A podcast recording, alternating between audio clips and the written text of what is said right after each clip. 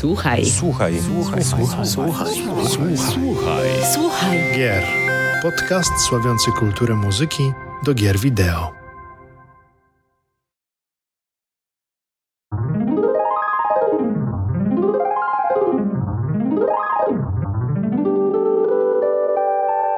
Dzień dobry, dobry wieczór. Z wirtualnego studia, jak zawsze, kłania się w pas wasz wierny samuraj Mariusz Borkowski oraz Paweł Dębowski. entuzjasta Jakuzy. E, Zatem witamy drogie słuchaczki oraz szanownych słuchaczy, a także widzów już w 73. odcinku podcastu Słuchaj Gier, oficjalnego podcastu audycji serwisu GameMusic.pl, który sławi i przybliża kulturę muzyki oraz sound designu w grach wideo. Serdecznie zachęcamy Was do słuchania naszych podcastów oraz zapraszamy do subskrybowania kanału na Spotify, Apple Podcast, a także na YouTube. Dziękujemy za Wasze dotychczasowe wsparcie w postaci komentarzy, a także łapę w górę oraz w dół. Nie zapominajcie o dzwoneczku. Również dziękujemy obecnym, a także przyszłym patronom, którzy bezustannie wspierają nas datkami na Patronite oraz Coffee. A dzisiaj ze mną e, w naszym wirtualnym studiu, oprócz e, mojego szanownego redakcyjnego kolegę Pawła Dębowskiego, jest po dłuższej przerwie do naszych skromnych progów powraca, powraca nie kto inny jak Mateusz Gołom, niepoprawny entuzjasta japońskich RPGów oraz memów o gołębiach. E, Witaj Mateusz. Również witam, bardzo mi miło u Was gościć ponownie. Cudownie, cudownie sły- słychać. Ciebie będzie dzisiaj gorąco, ale wydaje mi się, że gorącej będzie jeszcze, jak będziemy kiedyś kontynuować ten odcinek, a to będzie niebawem. A zatem, nie zdradzając, kolejnym gościem nasz drogi niezastąpiony Paweł Klimczak, aka Nafta, dziennikarz, muzyk, producent DJ oraz fanatyk japońszczyzny. Ohaja gozie maśta, Pawle, witaj. Dzień dobry, dzień dobry. Panowie, panowie, bardzo się cieszę, że dzisiaj się udało po wielu perturbacjach spotkać się i porozmawiać o tym temacie, bo temat jest naprawdę bardzo istny i ciekawy z, ra z racji tego, że uznaliśmy, że w październiku organizujemy tutaj jako Fundacja Game Music przy współpracy ze Square Enix koncert Final Fantasy, a dokładnie Final Symphony we Wrocławiu 14 października o godzinie 19 w Narodowym Forum Muzyki wybrzmi, zabrzmi przegenialna muzyka autorstwa Nobuo Matsu, Masasiego Hamauzu, a dokładnie muzykę do Final Fantasy 6, 7 i 10 będziecie mogli usłyszeć na żywo.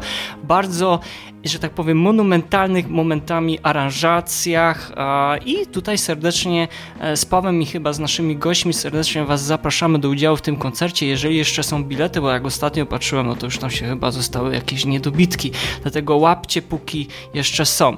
Panowie, e, zanim przejdziemy do głównego tematu dzisiejszej rozmowy, zacznę od pytania standardowego. Czego ostatnio słuchaliście z muzyki do gier, a może e, nie z muzyki do gier? Zacznę może od naszego Mateusza. Mateuszu, co tam ostatnio się u ciebie kręciło? Mm, Z muzyki do gier to głównie podczas grania Final Fantasy XVI. Tak się składa, że jesteśmy chwilę po premierze, więc e, jest to właściwie jedyne, co tam się kręci e, muzycznie pod kątem growym. No i to głównie podczas, podczas tego, jak gram. E, natomiast z niegrowych tematów ostatnio odkryłem taki dosyć młody, bo wydali dopiero jedną epkę, jeden singiel shoegaze'owy zespół Bosses, więc jeżeli lubicie taką cięższą, klimatyczną muzykę, to oczywiście bardzo, bardzo polecam. Zwłaszcza, że mają w swoim opisie na Spotify ta, takie zdanie Defeat Your Inner Bosses, więc zakładam, że gdzieś w tle e, mają jakieś inspiracje grami również, być może. E, tak by sugerował ten podpis. Mhm. A jak wrażenia z muzyki do Final Fantasy VI, jakbyś miał porównywać do ostatnich ods odsłon? Wiesz co, ja... Mm, żeby było śmieszniej, to czuć tam trochę rękę wbrew pozorom Uematsu, nie tylko Sokena. E, Dla mnie jest to taka gdzieś tam wdzięczna mieszanka e, muzyki sokenowskiej z tymi e, klasycznymi klimatami Final Fantasy. Generalnie poza jakimiś tam drobnymi wyjątkami e, bardzo dobrze się jej słucha, e, bo są tam momenty, które gdzieś tam są uwarunkowane też fabularnie, które troszeczkę odstają od reszty muzyki i to może być takie delikatnie dyskusyjne dla słuchaczy, natomiast e, ogólnie rzecz biorąc jest to bardzo wdzięczna muzyka, która fantastycznie się zgrywa z tą grą. No i myślę, że gdzieś tam fani zarówno Sokena, jak i Uematsu na pewno znajdą coś dla siebie w tym soundtracku. Mhm, jasne. Pewnie o więcej o tej muzyce będziemy rozmawiać e, przy kolejnym spotkaniu. E, Nafta, a co ostatnio się u ciebie dobrego kręciło? Jeśli chodzi o gry, bo miałem trochę wolnego czasu, który musiałem spędzić biernie, więc sporo, sporo grałem na Switchu na przykład. I e, grałem, wreszcie udało mi się za, zagrać już prawie przejść Live Alive, e, e, ten remake. O, e, Długo się gra. nosiłem. Niesamowita gra, niesamowita muzyka Yoko Shimomury. Tak. I grałem też Front Mission First remake o, cudownie. I też Yoko Shimomura robiła tak. muzykę, więc miałem takie właśnie dwa tygodnie z, z, z, z jej muzyką i e, wiadomo, dwie trochę, trochę różne e, dwie stylistyki, bo w Live Alive ta muzyka jest, no raz, że jest oczywiście podporządkowana tym poszczególnym e, poszczególnym rozdziałom tej gry, które wiadomo rozgrywają się w innych miejscach i w czasie, i w przestrzeni. Mm, e, no ale gdzieś tam na przykład we Front Mission słychać e, nie tylko te militarne oczywiście, wiadomo, dźwięki, ale też mm, to, z czego Shimomura jest znana, więc te takie, nie wiem, ja, ja na to mówię epicka skliwość. Ono ma jakiś taki, taki talent do, do, do właśnie tworzenia bardzo ckliwego e, nastroju, ale jednocześnie w bardzo monumentalnej oprawie, także, także to było. No zresztą później to pokazała w Kingdom mhm. Hearts. Tak, absolutnie, absolutnie. E, I, I, tutaj jak rozmawialiśmy jeszcze przed nagraniem, e, ja, ja też nie, nie, jestem jakimś fanem wielkim, ani wrogiem też, nie? Kingdom Hearts, ale akurat muzyka z tej serii jest naprawdę fenomenalna i też ją lubię. Szczególnie z pierwszej części, no i piosenki, tak, tytułowe. Z tak, a, a tak poza tym to no. takie jakieś stare, mm, trochę bardziej niszowe, e, ekstremalne, black metalowe, kosmiczne trochę dźwięki, jak na przykład e, taki zespół Internal Decay, który chyba wydał jedną płytę w latach 90. i już słuch o nich zaginął, a tak poza tym no to właśnie no właśnie, no te, te, te, dwie gry, a Live Alive e, absolutnie z, miejsca to jest top 3 klasycznych RPGów, takich z lat 90. dla mnie absolutnie niesamowita gra i e, bardzo, bardzo eksperymentalna, co e, wiadomo, że w japońskich RPGach nie jest może, jest może dominującą cechą ta eksperymentalność, chociaż w sumie jak się tak zastanowić, no ale to może temat na inny dzień. To jest na inny ten, a zgadza się, ja tylko dodam od siebie, że fantastycznie, że Square Enix pokusił się i zro zrobił rewizję tego, tej gry i dał drugą szansę, bo z tego co ja pamiętam, ta gra nie pojawiła się nigdy w wersji anglojęzycznej na zachodzie. Tak więc no super, że, że to zrobili, no i liczę na to, że będzie, będą mieli więcej takich e, zmienią trochę kierunek od tego dotychczasowego i faktycznie dadzą drugie życie niektórym swoim pro, pro, produktom. Ten, ten A... do końca, no tak technologia 2D, 3D tak. to jest absolutnie jedna z lepszych rzeczy, które się wydarzyła w ostatnich latach. E, jeśli chodzi o, o, o właśnie e, takie klasyczne bardzo japońskie RPG, czy, czy strategiczne RPG, czy turowe, bo E, to po prostu jest niesamowite. To naprawdę świeżo wygląda i, i, i po prostu pięknie. No, Octopo Travel mi się wydaje, że też trochę otwarł te, te, drzwi, te drzwi i tutaj trzeba bardzo mu podziękować, niezależnie od tego, jaki tam spadł trochę na, nie, na niego zasłużonej, niezasłużonej krytyki. no ale to już pewnie będziemy niejednokrotnie wracać do tych tytułów, e, może dzisiaj albo w ciągu kolejnych naszych spotkań. Pablo, a co tam u ciebie leciało? No, ja wcale nie będę oryginalny, bo e, ostatnie tygodnie spędziłem na e, słuchaniu albumu właśnie z Final Fantasy XVI. Trochę z przyjemności, ale też z obowiązku. Z obowiązku, bo ktoś musiał napisać recenzję i ta się nareszcie pojawiła na stronie. A, a z przyjemności, bo kurczę, mimo wszystko muzyka z Finala mi się bardzo, ale to bardzo podobała i ja mogę powtórzyć to, co mówiliśmy przy okazji e, innego podcastu, w którym braliśmy udział, że e, muzyka Sokena będzie na takiej mojej shortliście do albumu roku. To jest jeden z fajniejszych albumów, jaki pojawił się w tym roku. Um, no tak, jeszcze próbowałem wyczyścić, wyczyścić swoją playlistę e, na YouTubie, bo niestety więcej dobrej muzyki z gier można znaleźć niestety tylko na YouTubie albo ewentualnie na płytach CD. A, na mojej playliście na, YouTubie znalazła się na przykład muzyka z Katamari Damashi, którą sobie słuchałem w trakcie pisania recenzji, żeby się tros, troszkę wychillować. A tak to przeważnie chyba więcej czasu spędzałem na oglądaniu zaległych również filmów e, o, o grach i muzyce do gier niż, niż słuchaniu ich tak naprawdę.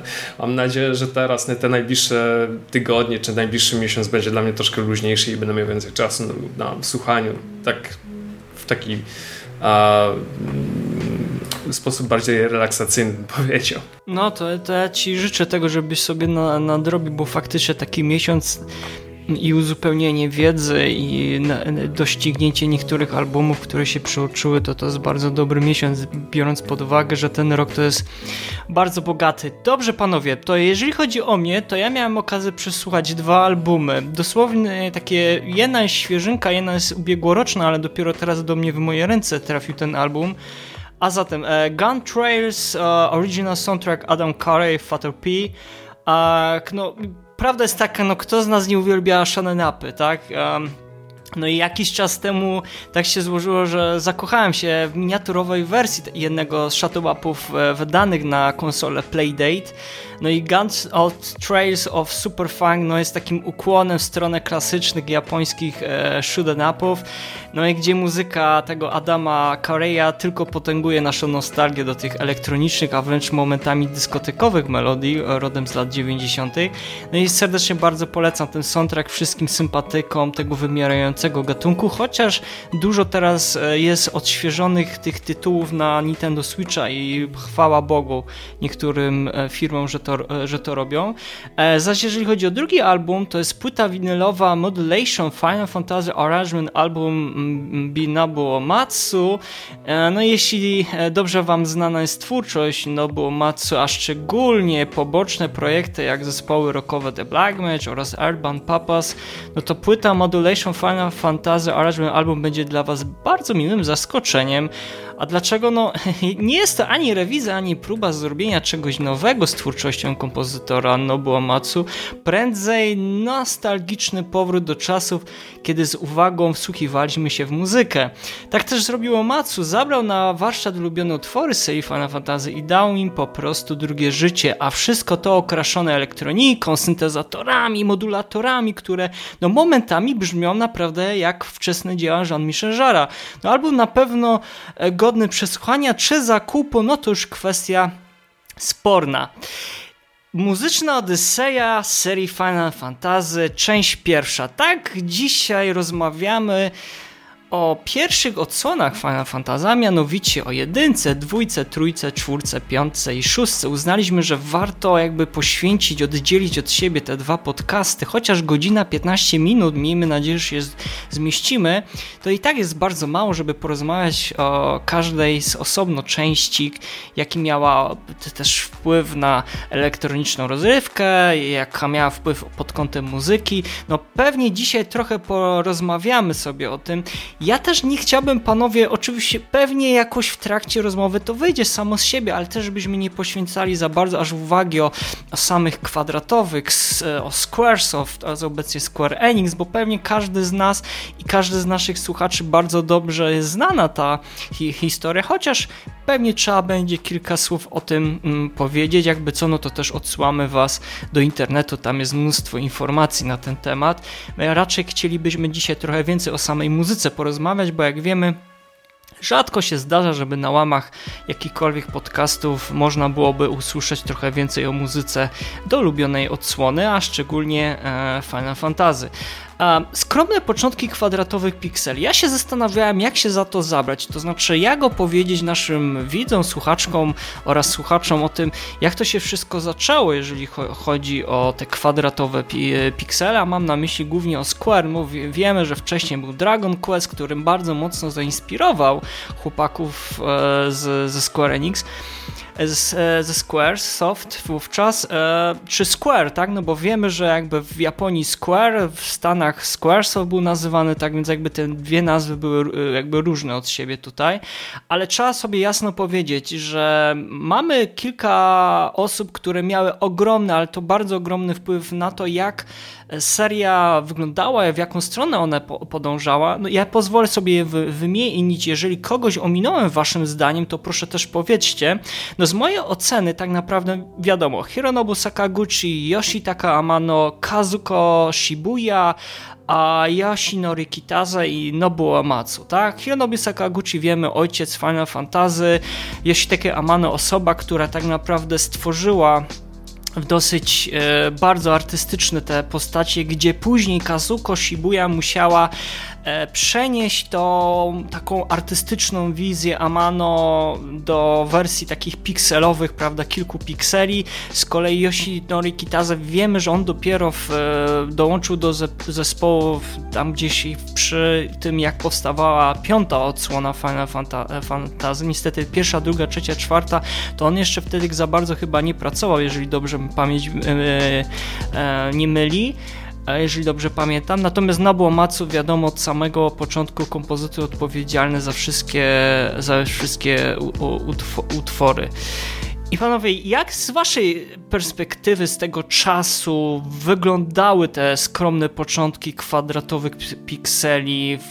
E, czy byli, wiedzieliście od samego początku, z czym macie do czynienia, czy raczej to gdzieś jakimś takim powiedzmy mm, szczęśliwym trafem trafiła do Was e, e, odsłona. Mam, pamiętajmy, nie rozmawiamy dzisiaj o Final Fantasy 7, ani 8, ani 9 i tak dalej, tylko mam na myśli o tych starszych fa e, finalach, które przypuszczam, że nie były Waszymi pierwszymi finalami. finalami.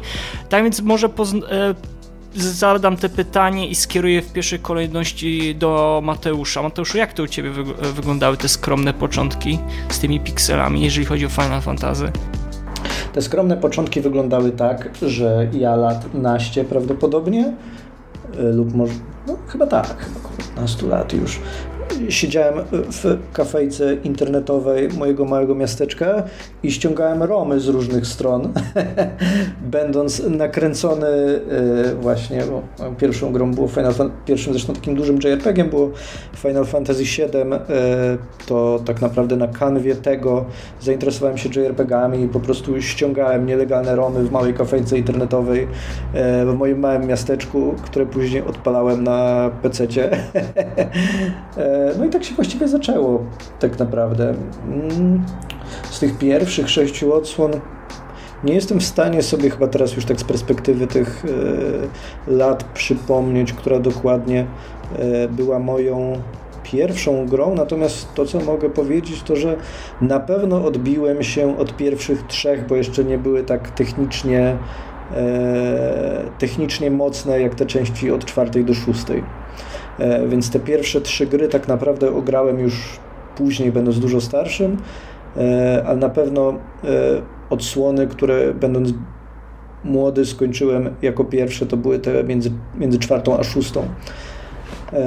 No i tak, no bez, bez wątpienia też muzyka Sakaguchiego jest tym, co bardzo mocno rzucało się w uszy właściwie E, no tak, ale konkretnie o muzyce pewnie powiemy później, no ale tak, mm. będziemy o tym rozmawiać. Znaczy by, byliśmy na pewno wszyscy ciekawi, jak u ciebie to się zaczęło, jeżeli chodzi o te e, starsze odsłony. Nie wiem, kurczę, zaryzykuję stwierdzenie, że to właściwie w naszym kraju, w Polsce u wielu zaczęło się bardzo podobnie od, jeszcze wtedy ten serwis nazywał się bodajże Emu Dreams, e, taki najpopularniejszy, który hostował e, romy z, e, ze starych konsol. Zwłaszcza, że u nas te konsole nie były dostępne tak naprawdę, jeśli wszyscy pamiętamy, nie? E, zastanawiam się, czy ktokolwiek kiedykolwiek trafił na jakieś e, Pegasusową podróbkę Final Fantasy, e, czy w ogóle by była taka, szczerze powiedziawszy, nie wiem.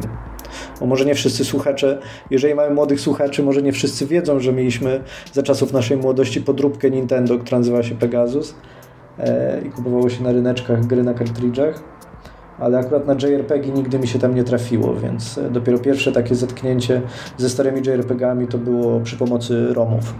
Mhm. Mm A Nafta, jak to w takim razie, jak ty wspominasz swoją pier pierwszą pikselową odsłonę Final Fantasy? E, dosyć podobna historia do Mateusza, bo e, e, ja też byłem dzieciaka użytkownikiem Pegasusa i nie było JRPG-ów. Tam było, nie wiem, tysiące romów Mario, taków różnych Mario na przykład. E, oczywiście strzelanie do kaczek, tego typu historie były, ale Donkey, Donkey Kongi, tak, tak, ale JRPG-ów e, też się nie spotkałem, nie spotkałem, ale prawdopodobnie to była pierwsza klasa liceum i koledzy, e, jeden kolega zaczął mówić, o nie wiem czy słyszeliście, jest taka gra Chrono Trigger e, i gdzieś też właśnie Romem się, się częstowaliśmy i rozwaliło głowy, więc od razu, jakie inne gry, inne i wtedy pojawiły się te, te fajne Później e, taki, to była głównie szóstka. Była przede wszystkim szóstka. E, absolutnie też zrobiła ogromne wrażenie na mnie e, wtedy. Natomiast też kiedy byłem użytkownikiem PSP, to były te takie remake'i, tak. jedynki, dwójki i, i w, nie się, w nie się dosyć zagrywałem. Natomiast 3, 4, 5 E, to były już historie dalsze. Wydaje mi się, że w trójkę do dzisiaj chyba nie zagrałem. Czekam, czekam na promocję. Trójka się dopiero. Na Pixel tak, trójka się dopiero. tak, a trójka się dopiero poje... E, przepraszam ci mhm. zdań. Trójka z tego, jeżeli dobrze pamiętam, pojawiła się w formie tego wersji DS. Grałem w nią na chwilę, e, przez chwilę, ale nie za bardzo byłem fanem tego stylu graficznego. To w zasadzie nie jest tak, że ten styl graficzny jest jakiś zły, po prostu trochę nie mój vibe, nie mój vibe to był. E, ale, ale piątkę grałem na DS-ie, natomiast przez Cartridge'a z Game Boy Advance i byłem, byłem pod ogromnym wrażeniem jak bardzo jest to otwarta pod wieloma względami, mechanicznymi głównie gra, e, względami gra i e, oczywiście ja już grałem w czasach, kiedy to nie robiło aż takiego wrażenia, ale wyobrażałem sobie, że wyobrażam sobie, że w czasach, kiedy gra, ta gra wyszła, to musiało być szokujące dla ludzi i wydaje mi się, że właśnie to jest chyba cecha tych pierwszych finali a wydaje mi się, że do dzisiaj fajna, bo tam rozmawialiśmy troszeczkę o 16. Ja nie chcę tutaj wprowadzać e, znowu zamieszania, ale mm, Final Fantasy to jedna z tych e, naprawdę wielkich AAA, wtedy jeszcze nie, nie było AAA, ale wiadomo, ale takich wielkich serii, która jest chyba najbardziej radykalna w swojej formie i w swoich metamorfozach, bo nie można tego powiedzieć o Call of Duty raczej, czy, czy, czy jakichś innych tych takich dużych y, grach, które mają tyle odsłon, które się pojawiają bardzo często. Y, Finale zawsze robiły na mnie wrażenie właśnie pod tym względem, że, że pod względem mechanicznym, pod względem gameplayu to, to, to zazwyczaj było coś innego od poprzedniego i bardzo wielu rzeczy próbowano. Może nie wszystkie rzeczy się udawały. Y, no i ta epickość, to co od razu zrobiło na mnie wrażenie. Może właśnie przez to, że to szósta część była tym pierwszym finalem moim, ale E, absolutnie szokujące, że, że jakby taka niepozorna pikselowa gra może chcieć oddawać, czy przez muzykę, czy przez e, jakieś takie sceny wręcz filmowe, e, mimo tych pikseli. I, i, i dla mnie właśnie to jest, to jest finali, to jest zawsze imponująca, że one przekraczają swoje ograniczenia techniczne pod względem narracyjnym, pod względem pokazywania akcji, pod względem klimatu, atmosfery, bo nawet piętnastka, która jest jaka jest, ale ona próbowała też e, jakby zrobić takie rzeczy, które może trochę wykraczały poza możliwości techniczne w, dan- w tamtym momencie, więc, więc absolutnie e, tutaj taka Rom Nation podpisuje się pod tym, co powiedział Mateusz, no bez tych Romów, bez, e, bez tego, na co na przykład Nintendo teraz bardzo, bardzo dosyć mocny młot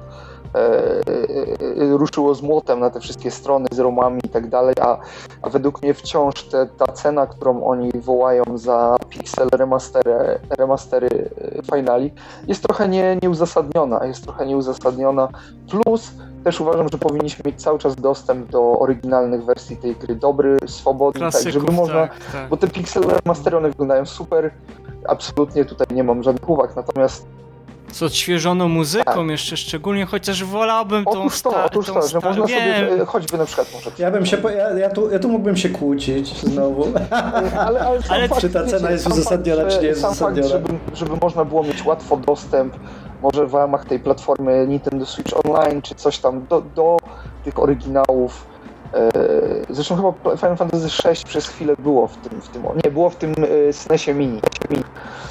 Natomiast mhm. no właśnie o to chodzi, żeby, żeby mieć też dostęp do tych uczciwy, legalny, tu zaznaczę, ale łatwy, przystępny dostęp do tych, do tych starych, oryginalnych wersji, choćby po to, żeby z ciekawości sprawdzać, zagra, zagrać godzinkę, dwie, bo to też nie są gry, które może mechanicznie się zestarzały pięknie, szczególnie te pierwsze, pierwsze finale, ale żeby zobaczyć i usłyszeć, zobaczyć, usłyszeć, jak ludzie y, te 30 lat temu absolutnie łamali ograniczenia technologiczne swoją wyobraźnią i, i właśnie aspiracją narracyjną, która była ogromna, ogromna aspiracja narracyjna. Mm. Pablo? To jak, jak te twoje początki też wyglądały z pikselami, jeżeli chodzi, chodzi też o serię Final Fantasy? U, u, mnie nie będzie, nie będę oryginalny, tu też powiem, że z pomocą przyszły mi oczywiście Romy, ale nie ogrywałem e, Finala na, e, na Pegasusie, tylko na PlayStation. Moje pierwsze takie spotkanie z Final Fantasy to było e, spotkanie z pierwszą częścią e, wersji na PlayStation. E, I pamiętam, że ja tej gry nie przeszedłem. E, że jakoś pograłem, nie wiem, może kilka godzin co najwyżej. Ale i... wiedziałeś, z czym masz do czynienia. Wiedziałem, wiesz co, wiedziałem, z czym mam do czynienia, bo właśnie to jest ironia, że ogrywam jakiś bardzo stary tytuł sprzed x lat, na konsoli, na którą już wyszło Final Fantasy VII, wokół której zrobił się duży szum. I to jest tak dosyć ironiczne. E, nie pamiętam dlaczego zagrałem w jedynkę. Chyba chciałem zobaczyć, z czym mam tak naprawdę do czynienia, e, z czym, z czym ta, ta, ta seria się ta, ta seria się je. Zobaczyłem, widziałem, że nawet fajna, ciekawa grafa, ale no, tak jak chłopaki powiedzieli, no, mechanika już się mocno zestarzała. W zasadzie cała, cała gra się trochę, trochę zestarzała i troszkę mnie, troszkę mnie odrzuciła, więc e, pograłem sobie chwilę i, i, i, i na tym to się skończyło. I minęło już, e, minęło po tym czasie e, kolejne, kolejne lata i kolejną, kolejną grą z tej serii, z którą miałem do czynienia, to było Final Fantasy III na Nintendo DS właśnie, które tutaj zostało wspomniane. To była w ogóle moja pierwsza gra na DS-a, a, a grę kupiłem w moim znajomym e, sklepie z konsolami taki, po takiej dużej przyjacielskiej obniżce, więc dlaczego miałbym z tego nie skorzystać? E, I tutaj też fabuła bardzo naiwna. Graficznie wyglądała naprawdę fajnie, muzycznie. Stamtąd pamiętam na pewno motyw e, bitewny, czy ten, czy ten utwór, który pojawia się na mapie, na mapie głównej i tak dalej. I bardzo przyjemnie mi się w to grało, ale Eternal Winning, dokładnie.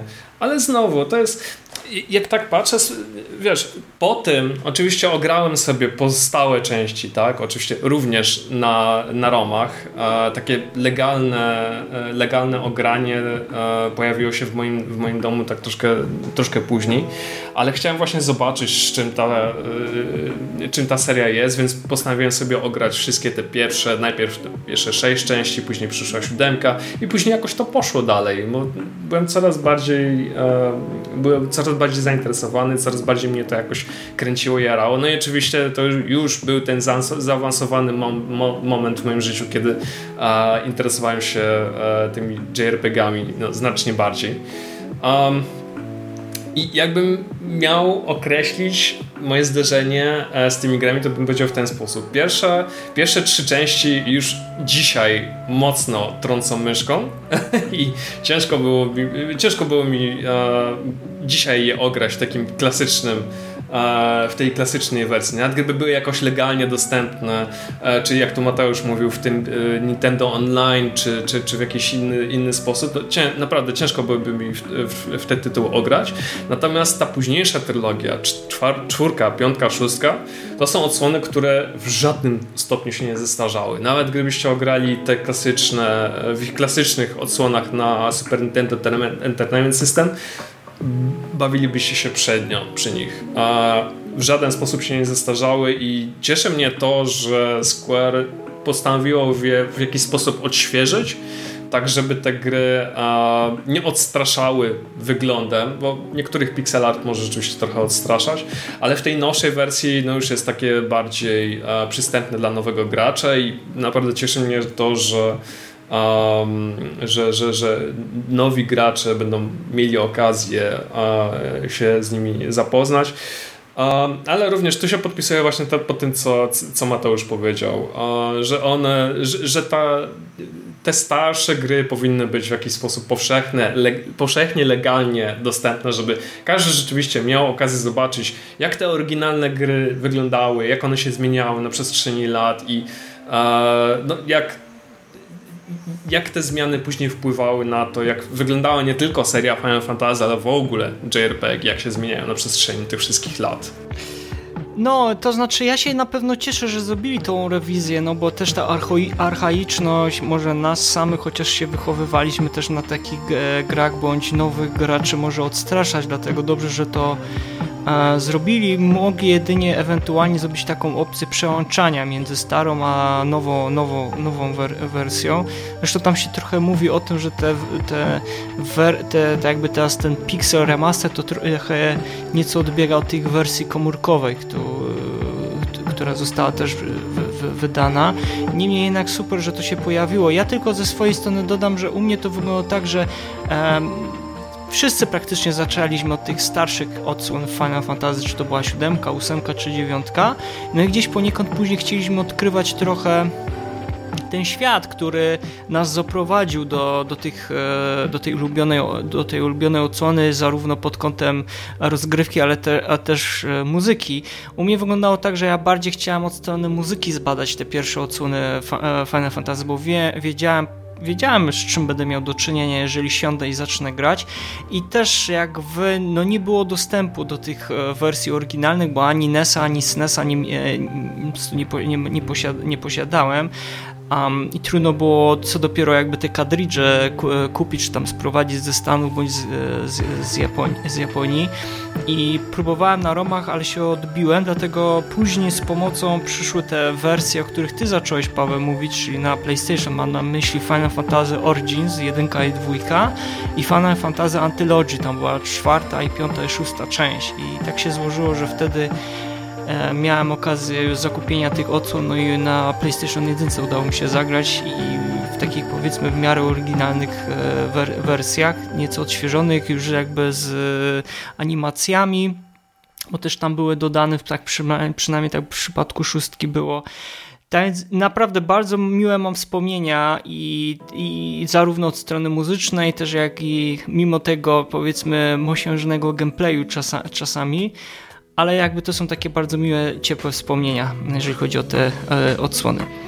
No ale dobrze, gry, e, gry grami Final Fantasy, ale tak na dobrą sprawę, gdyby nie muzyka, to chyba wszyscy się tutaj zgodzimy, że ciężko powiedzieć, czy seria Final Fantasy by odniosła taki sukces. Można powiedzieć, że 50% sukcesu a tutaj przy, przyczyniła się też muzyka Nobuo Matsu.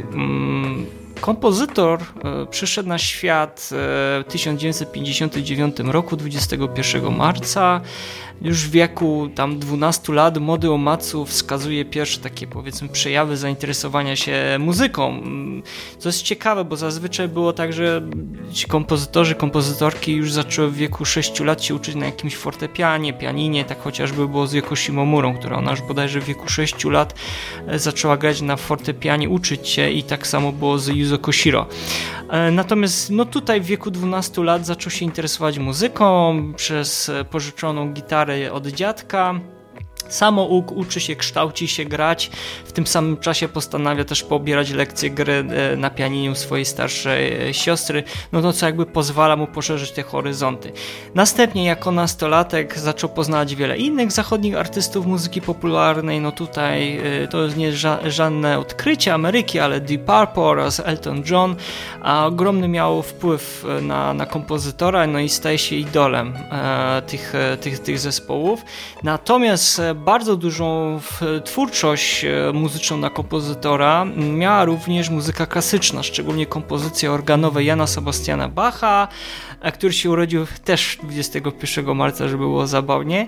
No i też tak sami inni wybitni twórcy jak Sergiusz e, Prokofiew czy chociażby Piotr Czajkowski. No i to nawet widać w tych starych odsłonach fantazy, ten romantyzm i nie tylko barok e, się jakby uwydatnia w, w tych utworach gdzieś słychać te nawiązania, tak samo w przypadku do rocka progresywnego pokroju e, Deep Purple, czy tam powiedzmy Jim Hendrix i wielu, wielu innych znanych artystów, których pewnie dzisiaj będziemy rozmawiać.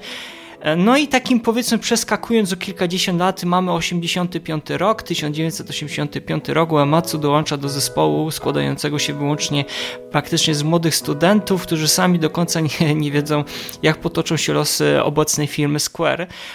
W tym samym czasie jakby dostaje swoje pierwsze poważne zlecenia na skomponowanie muzyki do gier, między innymi e, Cross Chase Blasty, wydany na domowe, na domowe komputery. On też jakby wiem, że był DJ-em w radiu, pisał jingle i tam wiele innych takich, ale to jakby nie przynosiło mu tego rezultatu, który by oczekiwał. No i przez kolejne lata kompozytor też jakby napisał oprawę muzyczną do wielu innych tytułów od Square, e, Night Knight, e, Alpha Ride, Racer, 3D World Runner czy Cleopatra, no Mochu. No jednak żadna jakby nie przynosi mu większego rozgłosu. No i tutaj wiemy, jak mniej więcej się potoczyła później kwestia związana ze Square, zdeterminowany Hironobu Sakaguchi, jeden z jakby członków proje e, projektantów w firmie, no postanawia przy współpracy z niewielkim sztabem osób stworzyć grę Final Fantasy, tak, która miała jakby przypieczętować troszeczkę losy firmy, no i do współpracy zaprasza wspomnianego przeze mnie wcześniej Yoshitake Amano, e, Nobuo Matsu, e, no i wśród jak historia się potoczyła, no to chyba dobrze wiemy, bo się potoczyła e, dobrze. No i panowie, Nobuo Matsu, człowiek orkiestra, czy wy macie takie wrażenie, czy to jest taki kompozytor, który faktycznie rodzi się na 100 lat albo na ileś tam nawet i więcej, taki powiedzmy może nawet nie wiem, Mozart, Beethoven, że nie pisze oczywiście muzyki współczesnej, chociaż muzyka do gier jest taką muzyką współczesną, jakby nie patrzeć, ale jakby zajmuje się tą działką i co jest niesłychane, tak, że pisze, zaczyna od takich powiedzmy 8-bitowych, później 16-bitowych dźwięków i odnosi sukces. Staje się idolem w przyszłości wielu nowych e, przyszłych kompozytorów, którzy teraz piszą i jak zawsze mówią w, w swoich wywiadach, to um, Uematsu był dla nich takim um, inspirującym człowiekiem, dzięki, którym, dzięki któremu jakby zostali sami kompozytorami. Czy to jest faktycznie taki człowiek or orkiestra, nafta? To jest odkrywca? Eee, kurczę, to jest taka trudna sprawa, yy, bo ja tak w ogóle średnio lubię takim operowanie takimi wielkimi hasłami, bo one, bo my wciąż żyjemy w tej epoce, prawda? W sensie wciąż y, muzyka Uematsu jest żywa e, i to nie jest tak, że, że już jesteśmy oddzieleni te 50-100 lat. E, dla mnie i to, to, dotyczy wielu, wielu w ogóle aspektów e, japońskiej popkultury, kiedy ona sam wymieniałeś bardzo dużo zachodnich prawda, na, na Uematsu i e, wydaje mi się, że on jest jedną z tych osób, która absolutnie fenomenalnie przetłumaczyła pewne rzeczy z muzyki zachodniej e, na japońską wrażliwość i w połączeniu z tym, czym miały być e, gry z serii Final Fantasy, czyli czym dalej w las, one są coraz bardziej epickie, coraz bardziej filmowe, coraz bardziej poszerzają to, czym jest w ogóle gra wideo. Bo, bo, bo przecież tutaj te, ta, ta filmowość gier jest dzisiaj dla nas absolutnie naturalna. To jest wpisane na przykład w AAA gry, szczególnie przed takie rzeczy, które te ekskluzywy Sony, które są wprost trochę reklamowane jako interaktywne filmy, prawda? E, a mm, początek tego to, to jest oczywiście Final Fantasy, powiedzmy, między innymi oczywiście.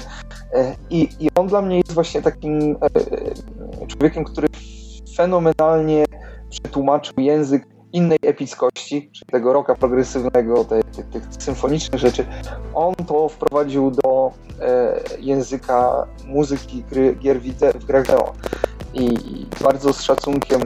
Zminiaturyzował to, tak, można to, to właśnie Właściwie do tego dążyłem, że tutaj mamy, e, mamy też ten kon, e, kontekst e, tego, że on może nawet jeśli miałby wtedy czy, orkiestrę na podorędziu, no to potem i tak trafia na chipa, który, który w ogóle jakby w sobie orkiestry nie zmieści. I wydaje mi się, że też część, spora część nostalgii, jaką mamy za, za tą muzyką, wynika właśnie z tego, że ona bardzo unikalnie brzmi. I e, tutaj jest taki splot wielu bardzo sprzyjających okoliczności, że ta technologiczna, e, która ten bardzo charakterystyczne brzmienie zdefiniowała, e, i, i, i, okazuje się, że właśnie ta epicka muzyka, którym ja na przykład nie, nie przypadam tak bardzo za muzyką symfoniczną, właściwie poza kontekstem właśnie gry, filmy, mm, raczej, raczej jej nie słucham. Natomiast w tym wydaniu, jak powiedziałeś, miniaturyzowanym, w tym wydaniu remake, tak mi się słowo e, ciśnie na usta, właśnie w tym wydaniu 8-bitowym, 16-bitowym, to jest zupełnie nowa jakość, to jest zupełnie coś innego, to jest coś, do czego, e, do czego się wraca. I my tutaj trochę rozmawialiśmy, rozmawialiśmy o remake'ach. I w remake'ach bardzo często e, chwała za te, jeżeli w opcjach da, da radę przestawiać się między starą a nową muzyką, ale w remake'ach bardzo często e, się robi symfoniczne rzeczy z tego wszystkiego. E, w Dragon Questie chyba 11, prawda, jest ten, ta, ta opcja też, żeby, żeby właśnie się przełączyć.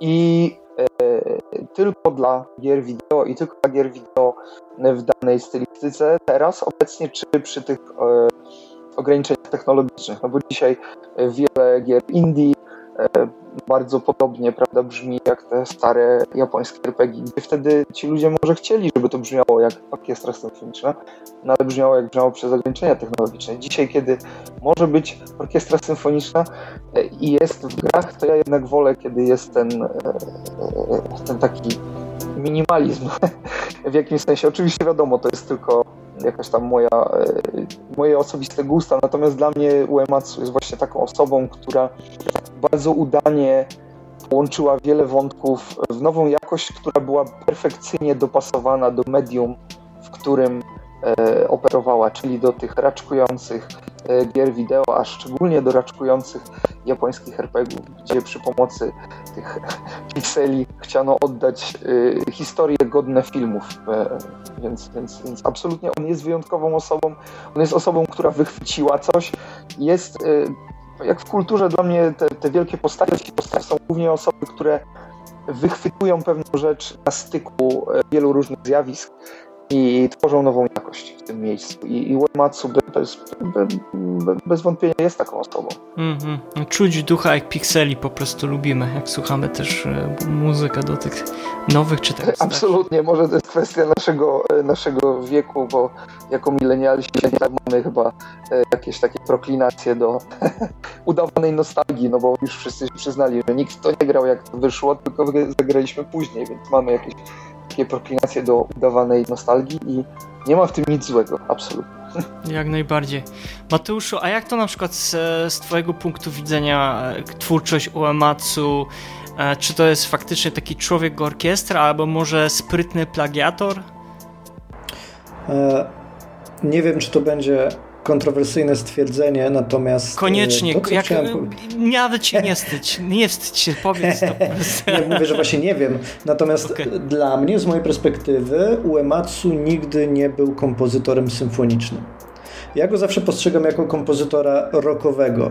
E, te wszystkie koncerty, nawet to Final Symphony, które będzie w Polsce, czy e, Distant Worlds, komponowane, znaczy przepis projektowane jako koncert muzyki symfonicznej.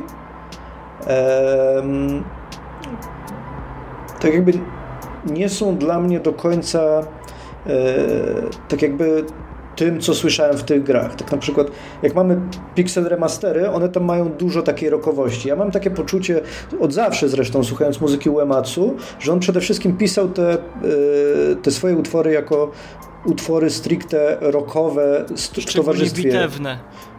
Tak, w towarzystwie e, dodatkowo instrumentów klasycznych e, i to wyraźnie wyróżnia jego kompozycję spośród innych, nie tylko zachodnich e, gier RPG, gdzie, gdzie ta muzyka jest wyraźnie epicka, wyraźnie filmowa, ale też spośród stricte japońskich gier RPG, nie?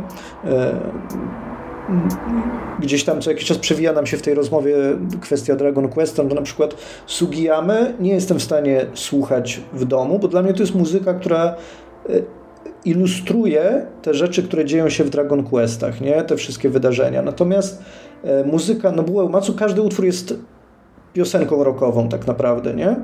którą możesz sobie odpalić e, i tak naprawdę nawet słychać często w tych utworach, nie wiem, mamy e, Town Music z pierwszego Final Fantasy, czy tam z trzeciego Final Fantasy, tak, nie pamiętam już, który to był, ale ma taki flecik w tle, który, e, którego linia melodyjna brzmi jakby, me, linia melodyczna brzmi jakby w, w miejsce tego flecika miał być wokal, nie? E, mm, więc dla mnie to było coś, co wyróżniało Nobuo, Nobuo Uematsu. E, dlatego też akurat tutaj zgadzam się, że niekoniecznie w tym momencie historii e, nazywałbym go geniuszem, czy tam e, wykorzystywał jakieś wielkie słowa, żeby określić jego lub jego twórczość, natomiast bez wątpienia miał wyjątkowy, jak na nie tylko swoje czasy, jak i na współczesne czasy, pomysł, e, że ta muzyka nie musi być stricte ilustracją, że można pożenić utwory rockowe z tym, co się dzieje na ekranie. E, I to wyraźnie, wyraźnie to czuć. I to wyraźnie tak jakby wybija serię Final Fantasy spośród innych gier, dlatego ta muzyka rzuca się w uszy, nie? E, ona jest tak napisana, ma wyraźny bas, ma wyraźne, e, wyraźną konstrukcję rockową, nie? Bardzo często. Nawet wiem, że trochę tutaj wyjdę poza poza te pierwsze części Final Fantasy, ale przytaczając nawet, jeżeli mówimy ogólnie o Nobuo Uematsu, e, to bardzo znane Ares Team, kiedy e, ja tego słucham i na przykład widzę covery, kiedy ten utwór jest zagrany tylko na pojedynczej gitarze akustycznej lub klasycznej. Mam wrażenie, że ten utwór był napisany z myślą o gitarze, a nie o orkiestrze symfonicznej, nie? O pojedynczej gitarze, że jest taki intymny, cichy i spokojny i da się go bez problemu zagrać w pojedynkę na gitarze, nie? No tak, on nie traci nic z tego. Proszę, proszę. To jest interesujące, co powiedziałeś i ja się pod tym piszę, podpisu, podpisuję, e, bo ja poniekąd też mam takie odczucia. Pewnie za chwilę Nafta coś będzie chciał dodać, co tutaj zacząłeś e, e, powiedzieć. Tak więc już za chwilę Nafcie oddam głos, bo jeszcze Pablo czek, e, czeka e, w, w, rezerwie. Ja tylko dosłownie chciałem powiedzieć, że to, to jest interesujące, co powiedziałeś, e, Mateusz, bo u mnie to uruchomiło pewną taką myśl, że Uematsu pisząc te utwory, takie bardzo w ograniczonym ograniczonych czasach przez, e, przez ten sprzęt, on jakby celowo robił go. To jest interesujące, że sprzed ponad 30 lat możemy niektóre utwory tak zaaranżować, żeby brzmiały właśnie tak jak powiedziałeś, albo na gitarę, albo na orkiestrę symfo symfoniczną, albo na zespoły rockowe, albo nawet wersje jakieś powiedzmy takie sety DJ-skie.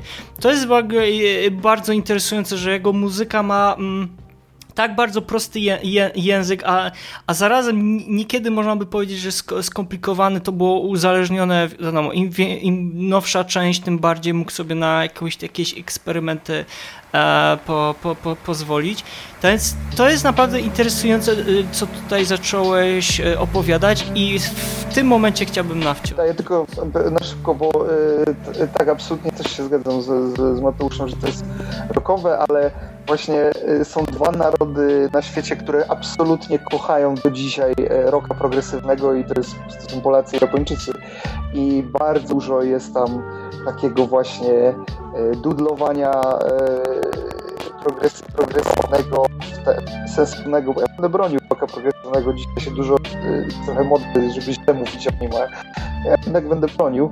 Natomiast absolutnie e, ta rokowość i wydaje mi się, że to jest też coś, co bardzo zainspirowało następne pokolenie e, autorów, autorek muzyki do gier, właśnie ta rokowość, bo dzisiaj nawet na przykład e, słuchając, nie wiem, do Xenoblade Chronicles, tam jest przecież tyle tyle właśnie takich gitarowych, czy Is, Is ma bardzo gitarowe, bardzo gitarowe soundtracki, więc tu absolutnie ta rockowość Uematsu i to jest chyba y, to, co na nasze polskie y, ewidentnie rockowe serduszka też dobrze działa, bo ja lubię różną muzykę, ale jednak ta muzyka gitarowa gdzieś tam siedzi we mnie, więc jak najbardziej i te, te, a rok progresywny jest taką, nie chcę powiedzieć bastardyzowaną, ale jednak taką bardziej przystępną, bardziej chwytliwą wersją muzyki symfonicznej. Tak mi się wydaje, więc, więc tutaj jak najbardziej Uematsu zrobił, zrobił bardzo interesującą rzecz, która rezonuje w muzyce, szczególnie japońskiej muzyce, rezonuje e, do, e, rezonuje do dzisiaj. Hmm. Hmm. Pablo, jak to jest Uematsu? Geniusz naszych czasów? Czy plagiator? Jak to jest? Człowiek orkiestra. A, tak jak chłopaki, nie chcę używać dużych słów, ale odpowiem to w ten sposób. Czy no Uematsu wielkim człowiekiem jest? Moim zdaniem tak, jak najbardziej. A, a, wpływ na to miały tak naprawdę dwie rzeczy. Pierwsza jest taka, że e, kiedy swoją pracę Uematsu zaczynał, e, to były te czasy, kiedy oddzielano e, pracę programistów, grafików od kompozytorów. W ogóle powstał zawód kompozytor muzyki do gier. Tak? To już nie są te czasy, kiedy programista robił jednocześnie grafikę, jednocześnie muzykę, jednocześnie praktycznie robił wszystko, tylko jest osobna osoba, która zajmuje się tworzeniem muzyki. A, a druga rzecz jest taka, że Uematsu doskonale czuje medium, jaką są gry wideo. I to było widać już w pierwszej odsłonie Final Fantasy. On doskonale wiedział, że e, tak jak patrzy się na, na, na jego pracę tak na, na, przestrzeni tych wszystkich lat, jak, jak zaczynał e, i gdzie skończy tak naprawdę, widać, że Umatsu czuje czym są gry wideo, czy czym są e, japońskie RPG. Chyba doskonale wiedział o tym, że to muzyka Final Fantasy to nie jakieś nie wiem, dwie, trzy melodyjki, które mają być grane po prostu w tle, mają towarzyszyć e, tylko graczowi gdzieś e, i gdzieś przygrywać, tylko towarzyszyć graczowi w takim sensie, że jest, czyn, jest czynnym, czynnym współtowarzyszem e, głównych bohaterów, tak naprawdę. Um, I to słychać w każdym tak naprawdę odsłonie e, finali, że ta muzyka ma potężny wpływ na to, jak odbieramy to, co się dzieje na ekranie, od, od, jak odbieramy walkę, jak odbieramy tę całą przygodę, którą tak naprawdę przeżywamy. Tak? W Dragon Quest jest oczywiście kamieniem milowym, jeśli chodzi o e, potężnym kamieniem milowym, jeśli chodzi o e, japońskie RPG. muzyka Sugi, e, Sugiyamy no, również spełnia swoją funkcję. Jeśli chodzi o opisywanie tego, co, co, się dzieje, co się dzieje na ekranie. Również ma taki przygodowy vibe. Ale zarówno, zarówno gra Dragon Quest, jak i muzyka Sugiyamy mają jedną wspólną cechę. Są bardzo konserwatywne. Czyli e, nie podlegają tak naprawdę żadnym zmianom. Jak zobaczycie, zobaczycie sobie, czym jest Dragon Quest od samego początku do końca, no to tych zmian tak naprawdę było niewiele. To jest gra, w której tak naprawdę gracz przeżywa przygody, są tam jakieś może pojedyncze, jakieś bardzo niewielkie zmiany, ale jak odpalicie sobie każdą kolejną odsłonę, no to wiecie, że ma się do czynienia z Dragon Questem. Z Muzyką Sugiyama jest mniej więcej taka sama sytuacja jakąkolwiek część byście nie odpalili, no to usłyszycie tam muzykę z Dragon Questa. Taka sama była w pierwszej, drugiej, trzeciej, czwartej, piątej i tak dalej, i tak dalej. Z pewnymi nowymi może aranżacjami i nic więcej. W przypadku Final Fantasy i tu mówiliśmy o tym na samym początku. Te każde kolejne części coś nowego dodają do, do serii, albo w ogóle przechodzą jakieś potężne zmiany. W przypadku muzyki widać, że jest dosłownie to samo. Każdy, praktycznie nie ma, nie ma odsłony Final Fantasy, gdzie ta muzyka brzmiałaby brzmiałaby podobnie. Bo Nobuo Matsu, to już powiedzieliśmy, jest fanem muzyki e, rocka progresywnego, jest fanem również opery, było, było nie było. E, jeśli dobrze pamiętam, również muzyki jazzowej. I widać, że tę wiedzę, te umiejętności z, z, z komponowaniem muzyki wszelakiej wykorzystuje wykorzystywał na bieżąco w każdej kolejnej odsłonie e, finali. Wiecie, chcieliśmy usłyszeć rok progresywny? Dostaliśmy rok progresywny. Chcieliśmy usłyszeć operę? Final Fantasy VI jest tego najlepszym przykładem, tak? Chcieliśmy usłyszeć taką czy, czy inną muzykę? Dostaliśmy taką muzykę. Ta muzyka cały czas się zmieniała, cały czas ewoluowała razem z serią Final Fantasy. Dlatego jest tak dobrze zapamiętywana przez e, nie tylko fanów serii, ale w ogóle e, przez e, fanów japońskich RPG. Dlatego cieszymy się, kiedy słyszymy o tym, że będą kolejne koncerty z muzyką Finali, bo ona jest po prostu po pierwsze ta muzyka jest różnorodna, a po drugie ta muzyka stała się mimo wszystko, mimo tych upływu, przepraszam, ponad już 30 lat, stała się ponadczasowa. Mhm. Dobrze, no tutaj dużo zostało, po, po, ująłbym nawet e, tematów poruszonych, które moglibyśmy ro, rozwijać. Niestety czas nam na to nie pozwala. Ja bym panowie chciał przejść e, już teraz jakby do konkretnych odsłon Final Fantasy, bo dzisiaj chcemy porozmawiać, e, mam nadzieję, że czasu nam starczy, a od Final Fantasy 1, 2, 3, 4, 5 i 6. To mm, zacznijmy może, wydaje mi się, że to jest chyba trafne e, słowa, kryształowa muzyka, tak? Czyli Final Fantasy 1, 2, 3. To są te odsłony, które pojawiały się mniej więcej w odstępie czasowym między 1 a 2, lata, czyli Final Fantasy pierwsze mamy 1987, później Final Fantasy 2 1988 i trójka 1990. Wszystkie trzy odsłony pojawiły się na NESie, a przenośnej konsoli od Nintendo. A, no i ja się zastanawiałem, jak to też ugryźć trochę od strony muzycznej. To znaczy, nie chciałem, żebyśmy się skupiali o, o grze, o, o, rozgrywce. Może gdzieś to poniekąd między słowami gdzieś e, od, z naszych E, ust to padnie.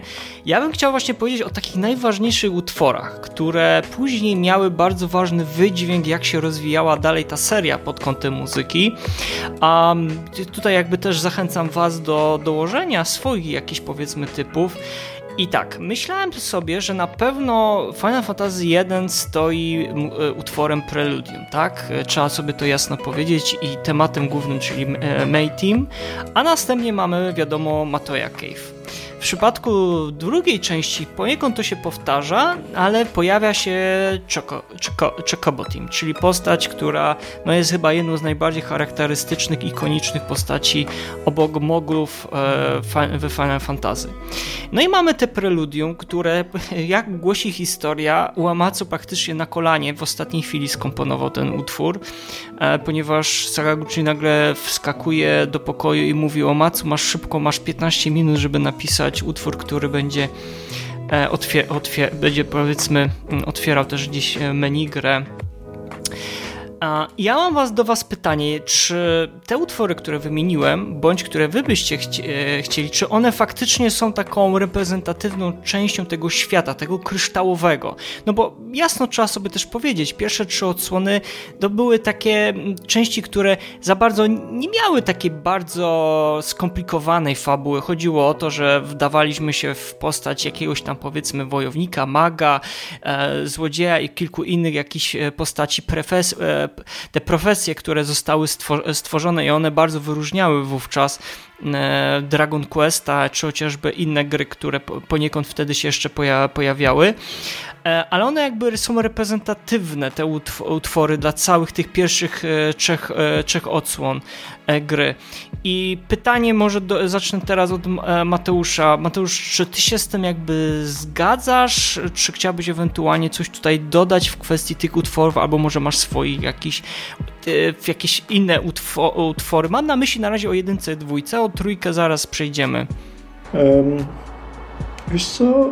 Um, ja tak sobie zastanawiam się nad tym pytaniem gdzieś tam w tle, jak e, mówisz i e, ja zawsze miałem poczucie, że tak naprawdę spoiwem tych, e, tych gier jest to właśnie preludium, o którym wspomniałeś, nie? że jest to zresztą utwór, który się pojawia nawet teraz w szesnastce Final Fantasy.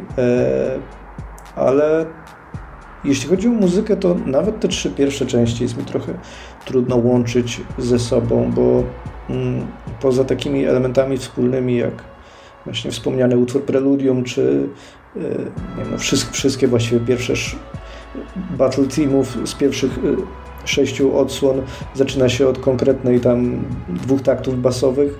E, to mam poczucie, że soundtrack każdej, każdej z tych części jest dosyć e, różny od oddzielną siebie. historią. Mhm. Tak, tak, mhm. tak. Nie, nie, e, dlatego jest trudno, trudno jest mi bardzo odnieść się do Twojego pytania, bo ja nawet e, nie łączyłbym tego nawet w takie trójki, że są traki od 1 do 3, potem 4 do 6.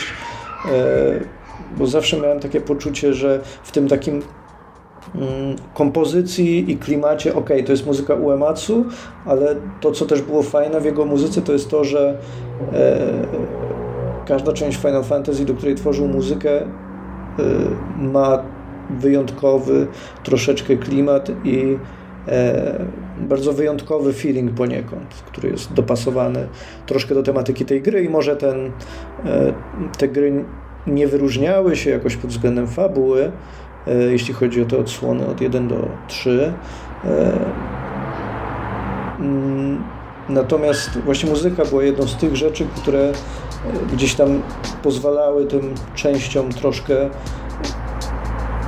wyjść poza ten jeden taki schemat, nie? że nie czuliśmy, że ok, dwójka jest tylko jedynką z nieco zmienioną mechaniką, ale w sumie to jest to samo, nie?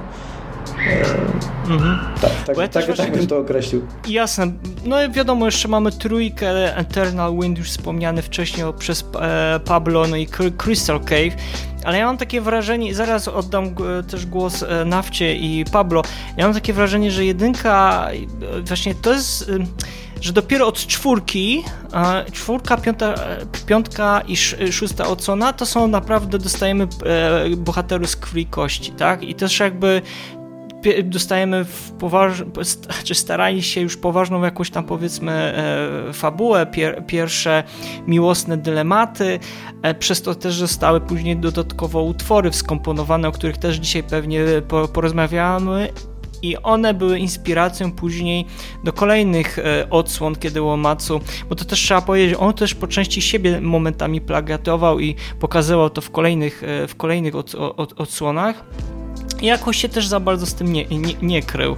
A, ale mam właśnie takie wrażenie, że te pierwsze trzy, trzy odsłony są poświęcone jakby temu światu, który, który nas otacza, gdzie na przykład e, czwarta, piąta, szósta odsłona to są już części, gdzie mamy fabułę, mamy bohaterów i pod tych bohaterów są już skomponowane też utwory, tematy bohaterów tak naprawdę też jakby się pojawiają. I czy ty, Nafta, z takim stwierdzeniem byś się zgodził faktycznie?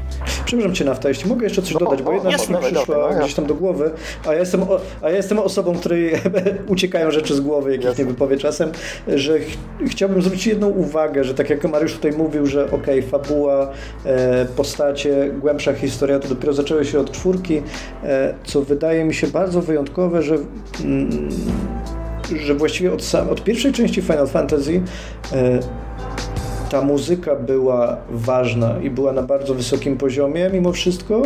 E, I mam wrażenie, że muzyka komponowana do tej gry miała równorzędną wartość do gameplayu przy powstawaniu tego projektu, nie? Że dopiero tak naprawdę przy czwartej części zaczęliśmy mieć większy world building, ale sama muzyka już była na wysokim poziomie od samego początku i to jest też dosyć taki duży ewenement, myślę, w latach 80.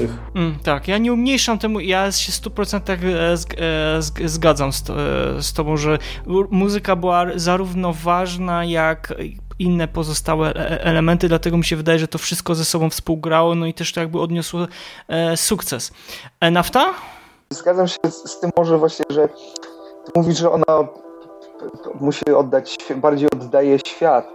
E, I jestem w stanie się zgodzić, ale tutaj też trzeba, dla mnie takim słowem kluczem przy tych wczesnych finalach i to dotyczy wszystkich poziomów tego, tej gry i, i zgadzam się z Mateuszem, że muzyka jest jakby na równi na przykład z grafiką, nie? że to wszystko działa. I teraz właśnie jak oddać czasami jak oddać coś w tak ograniczonym y, otoczeniu, nie? Czyli y, wywołać pewne emocje. Więc tutaj na przykład u Ematsu, on podejrzewam, że on miał takie dylematy, w których momentach ja mogę uprościć pewne rzeczy, żeby to było bardziej czytelne, w których momentach ja mogę się pokusić o coś bardziej złożonego, ale mimo wszystko mając na uwadze i ograniczenia technologiczne i to, że my tutaj rozmawiamy w kontekście cały czas zupełnie nowego medium. Nawet na początku lat 90. To, to, przepraszam, kiedy się trójka pokazała? Czy to są jeszcze lata 80., czy to są. Eee, trójka się pojawiła w 1990. Dwa lata tak, po w zasadzie, w zasadzie to wciąż są lata 80., nie? Jakby tutaj, jak się rok zmienia, to nie zmienia się tak naprawdę kulturowo. Dekada to jest proces y, bardzo płynny, który może trwać nawet kilka lat. Natomiast y, dla mnie to, co jest niesamowite w tej muzyce, w, w tych kryształowych finalach, jest właśnie to, z jakim mistrzostwem one dobierają. W sensie ja od razu wiem, co jest przekazywane w tej scenie. Ja od razu wiem, i to jest czytelne dla mnie, dla osoby, która słucha tej muzyki z perspektywy czasu, z perspektywy kultury, zupełnie innej kultury, to też jest przecież ważne. E, I ja od razu wiem o co chodzi. I to jest dla mnie też bardzo ważny aspekt tych wczesnych muzyki we wczesnych finalach, że ona wykonuje dużo pracy, tutaj na przykład Mateusz też trochę poruszył to, że, że ona wykonuje dużo pracy, którą dzisiaj wykonuje lore, którą dzisiaj wykonuje grafika, którą dzisiaj wykonuje masa y, voice acting, wiecie, to są wszystko rzeczy, które dzisiaj jest o wiele łatwiej w, grze, w grze opowiedzieć historię, y, wywołać emocje. To jest wszystko bardzo łatwe, bo my mamy taki szereg narzędzi, że e, czy chcesz to opowiedzieć ascetycznie, czy chcesz opowiedzieć realistycznie, masz całą, całą torbę narzędzi. Możesz być nawet solo indie deweloperem i masz te narzędzia. Wtedy ten dylemat wydaje mi się fascynujący. Jak to zrobić? Jak to zrobić, żeby człowiek, który gra w tę grę, poczuł określoną rzecz, albo żeby zrozumiał określoną rzecz. I tutaj Uematsu wychodzi z tego wyzwania zwycięsko, bardzo zwycięsko, bo yy, nie tracąc przy tym na przykład przebojowości, bo wiele z tych, wiele z tych motywów to są motywy, które pamiętamy do dzisiaj. Yy, I naprawdę jakby one robią wrażenie tym, tym swoją ponadczasowością, ale dla mnie to, że to jest takie czytelne, to jest bardzo imponujące i y, bez tej czytelności te gry nie byłyby nie byłyby aż tak aż tak kapitalne. I e, wracając do tego, co Pablo mówił o Dragon Questie, absolutnie się zgadzam. Mimo, że jestem fanem Dragon Questa, to Dragon Quest jest dla mnie takim comfort food, nie? To jest tak, Kto nie tak, jest tutaj fanem Dragon taki, Questa? Wiecie, dobry, dobry obiad, co mama robi, nie? I niezależnie od tego, czy jest 94 czy 2023, to ten obiad będzie dobry. I, i, i, tak, i, i, tak trochę jest e, z Dragon Questem dla mnie. I ta muzyka z kolei w Dragon Questie jest e, nie chcę, żeby to zabrzmiało degradująco jakoś, ale ona jest często banalna. E, e, ale ona musi taka być, bo to jakby to pasuje do, do, do tego wszystkiego. Bo e, emocje które, i historie, które są pokazywane w Dragon Questie, według mnie one są trochę bardziej powierzchowne, trochę bardziej, one są czytelne jeszcze bardziej od razu, tak bardzo, bardzo, bardzo, bardzo jakby, jakby to ująć że one takie od razu przyjemne dla, dla odbiorcy. Wiecie o co chodzi. A w finalu jest pewnego rodzaju na przykład mistyka założona, jest pewnego rodzaju niedopowiedzenie, które mimo wszystko nie skreśla tej czytelności. I, i, i dla mnie to jest dla mnie to jest jakiś, jakiś, e, jakiś dowód na ponadczasowość tego, bo, bo, mówimy o latach 80.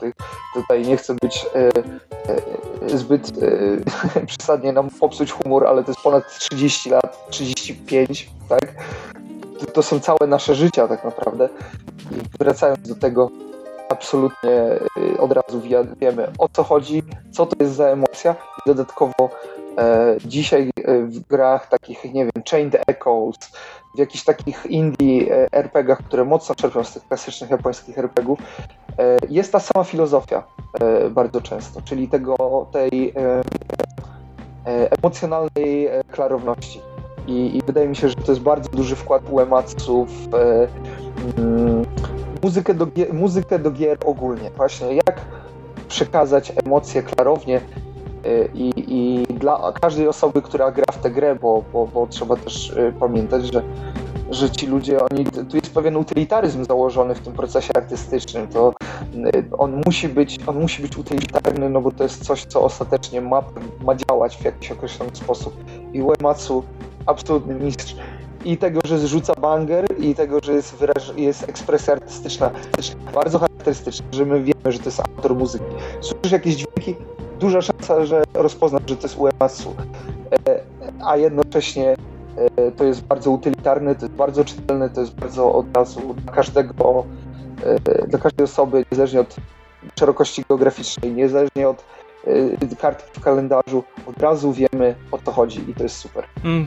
Paweł, a jak ty to byś e, ze swojej perspektywy, czy zgodziłbyś się ze swoimi przedmówcami? Co to zanim to, to muszę powiedzieć, że jestem zaskoczony, Mariusz, że w tej swojej wyliczance nie wymieniłeś fanfarów. Wiesz co, fanfary ja spe- żeby była, żebym się wytłumaczył. Fanfary są bardzo ważne, ale ja je specjalnie zostawiłem na kolejną odsłonę podcastu o Final Fantasy. A ja ci nie ufam. A, ty mi nie ufasz. Więc teraz ja, wymieniam. To jest wszystko przygotowane, ale nie, słuchaj, dobrze, że mówisz. Wszystko, słuchaj, tu wszystko zostało wyreżyserowane, tak więc... Dobra, to jeśli, jeśli wracając do tematu, powiem to tak, jeśli chodzi o te pierwsze trzy odsłony finali, to muzyka odgrywała, tak z mojej perspektywy, odgrywała jedną taką rolę. Miała e, s, miała być w czymś, w czymś rodzaju dopełnienia do opis, opisu świata tak naprawdę, czyli budowania tego świata, budowania tego poczucia, że wychodzimy e, do tego tego ogromnego obszaru, jakim jest ten wielki świat i mamy go zwiedzać, mamy go odkrywać, czuć po prostu przygodę i to po prostu słychać w tym, pamiętacie, ten pierwszy utwór, który nam gra, kiedy wychodzimy z, wychodzimy z tego zamku, z tego miasta i słyszymy tę pierwszą taką melodię, która nam towarzyszy właśnie w tym otwartym świecie. No jest wesoła, jest taka upbeat, jest taka mocno adventure, tak? Daje nam po prostu znać, że e, Czeka nas przygoda. Czeka nas, tak, czeka nas przygoda. I słuchać, że ta, ta muzyka oczywiście ewoluuje w kolejnych e, odsłonach, ona brzmi inaczej, ale pełni mimo wszystko tę samą funkcję. Mamy czuć, my jako gracze mamy czuć, że mamy przeżywać przygody, mamy odkrywać ten świat, który został przed nami otwarty. A to się oczywiście zmienia kiedy pojawia się Final Fantasy IV, kiedy ta wajcha zostaje przerzucona w tę drugą stronę i muzyka ma towarzyszyć historii opowiadanej w grze. E, dostajemy motywy postaci. E, ta muzyka jeszcze bardziej e, uwydatnia historię, uwydatnia to, co widzimy na ekranie. Te emocje, o których wcześniej również Paweł też mają tutaj potężne znaczenie. Tak? Ja do dzisiaj przeżywam te same rozterki, które przeżywa na przykład Celeste z Final Fantasy VI. To jak spada na przykład z tego klifu, to jest potężna rzecz. A jeśli słyszymy jeszcze ten motyw, który przygrywa w tle, no to to już jest. E, to jest coś, co po prostu mocno uderza. I widać, że w pierwszych trzech częściach e, Final Fantasy szukało tej, trochę szukało tej tożsamości, ale też wynikało to z tych, e, tych ograniczeń mimo wszystko sprzętowych. Nie można było sobie pozwolić na, na wiele, ale mimo wszystko Umatsu myślę, że wywiązał się z, z tego podstawowego zadania, żeby stworzyć taką muzykę, która nam towarzyszy w przeżywaniu przygody. To było najważniejsze, to był, najważniej, to był najważniejszy cel tych w zasadzie wszystkich gier, które wyszły na 8-bitowe e, konsole, zwłaszcza na, zwłaszcza na NES. Mamy przeżywać przede wszystkim przygodę. Przeżywanie historii, przeżywanie e, przeżywanie historii opowiadanych przez, przez konkretne postaci pojawiły się dopiero w, w, w grach 16-bitowych tak naprawdę. Ale i tutaj, ale i tutaj Umatsu, no myślę wykonał kawał, kawał potężnej roboty, ale zanim to rzeczywiście e, dotarło do tego punktu, zanim Umatsu e, rozwinął skrzydła i mógł sobie pozwolić na znacznie więcej, no to najpierw musiał oczywiście uporać się z tym pierwotnym zadaniem, no i oczywiście z tymi ograniczeniami technicznymi. No tak, no i tutaj właśnie sprawnie przechodząc, bo już powoli zmierzamy ku końcowi naszego, naszej dzisiaj pierwszej części o muzyce do Final Fantasy. No mamy Final Fantasy 4, czyli 1991, później Final Fantasy 5, 1992 i dwa lata później pojawia się praktycznie chyba u progu generacyjny konsoli SNES, czyli 1994 Final Fantasy 6.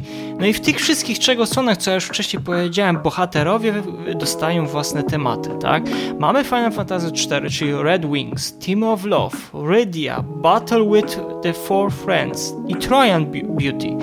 Później pojawia się Final Fantasy V, czyli Mambo de Chocobo, czyli kompletna rewizja tematu no i chyba jeden z najważniejszych wówczas bitewnych e, tematów przed tym, jak jeszcze się Final Fantasy VI pojawiła, czyli Battle of the e, Big Bridge. Czyli Battle with the Gilgamesh w niektórych podtytułowych ścieżkach dźwiękowych. Później mamy Mogul Team, Ending Team Different, no i szóstka, czyli Phantom Forest, Kids Run Through the City, Terra Team, Tina Team, Aria di Mezzo, czyli pierwsza chyba w historii operowy e, utwór, który się pojawił w grach e, wideo w wersji takiej nazwijmy to chiptunowej, e, Searching for Friends, no i oczywiście przegenialna też operowa wersja tematu bitewnego Dancing Mat. Operowa, no bo też same jakby tam i, i, instrumenty, organy się pojawiają, przynajmniej to, co ma przypominać nam organu. I panowie, no dostajemy praktycznie ostatnie trzy części, a szczególnie szósta część, bo chyba jest najważniejsza dla całej serii, bo pojawiła się u progu, kiedy Final Fantasy VII się pojawia, ale o tym oczywiście będziemy w kolejnym odcinku rozmawiać. No ale jakby nie trzeba powiedzieć sobie szczerze, te trzy ostatnie części miały ogromny wpływ na całą serię e, Final Fantasy, bo one chyba, poprawcie mnie, jeżeli się mylę, jeżeli chodzi o, o pod kątem muzyki, miały bardzo ogromny później wpływ na Omatsu e, przy pisaniu kolejnych następnych odsłon, czyli mowa tutaj o Final Fantasy 7, 8 i 9, bo ja jakby nie patrzę, szóstka miała, miała bardzo duży wpływ na to, jak później muzyka w siódemce e, brzmiała, natomiast w dziewiątka, no to wiemy, że to jest taka troszeczkę e, rewizja i trochę takie nostalgiczne powroty Uematsu do tych starszych odsłon Final Fantasy. No ale na razie skupmy się na tych ostatnich, czyli pod sam koniec naszej rozmowy chciałem jeszcze z wami porozmawiać o tej muzyce, do tej czwartej, piątej, szóstej e, części. Jak z waszej e, perspektywy ta muzyka się wtedy jakby zmieniła między tą czwórką, piątką i szóstką i jakie miała później wpływy na to, jak e, Uematsu zaczął e, pisać muzykę? Nafta? Od, odnoszę wrażenie, że ona jest o wiele bardziej konkretna, w sensie, że ona już podlega, szczególnie to w szóstce słychać, to chyba ja też przyznam się, że w czwórkę nie grałem, bo e, nie wiem, czy poza Pixel Remasterem e, jakoś tak, może, może na PSP było, ale nie, nie, niestety nie grałem. Natomiast no, szóstka dla mnie jest taką bardzo przełomową rzeczą, również pod również względem, że to jest e, chyba najbardziej narracyjna gra e, z tych wszystkich, o których rozmawialiśmy do tej, do tej pory. Więc te wszystkie utwory, one są, one mm, dla mnie, one mają wiele większe e, znaczenie w kontekście scen, konkretnych scen, które, e, które się rozgrywają i tutaj mówiliśmy dużo o tym, że, że ta kryształowa trylogia, że to jest bardziej o, o świecie. Tutaj to jest takie bardziej konkretne i to jest chyba najbardziej zbliżone do takiego soundtracku, jak tak go rozumiemy, jako soundtrack, tak jak nie wiem, soundtrack filmowy, nie? I e, przede wszystkim oczywiście e, dla mnie ta muzyka jest związana z, z, bardzo konkretnymi rzeczami, czyli mamy wiadomo, duch, e, ten po, pociąg nie, z duchami od razu przed, przed uszami staje mi e, ta kompozycja. Jest e, opera. Mówisz, nie wiem, czy wcześniej była w JPEG-u scena w operze, może nawet była, ale czy była opera dosłownie, gdzie leci opera jest jakby e, wszystko tak powiązane, nie wiem.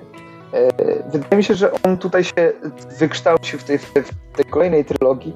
W nim się kształci e, narrator muzyczny. W nim się, w nim się coraz mocniej on te, ten rodzaj umiejętności swojej mm, on opowiada historię tą muzyką jeszcze bardziej konkretną historię, związaną z jakąś sytuacją i e, oczywiście absolutnie można i trzeba nawet słuchać tej muzyki w oderwaniu od gry, mm, ale ona jest tak mocno powiązana dla mnie z tymi konkretnymi momentami, tutaj mówię głównie o szóstce.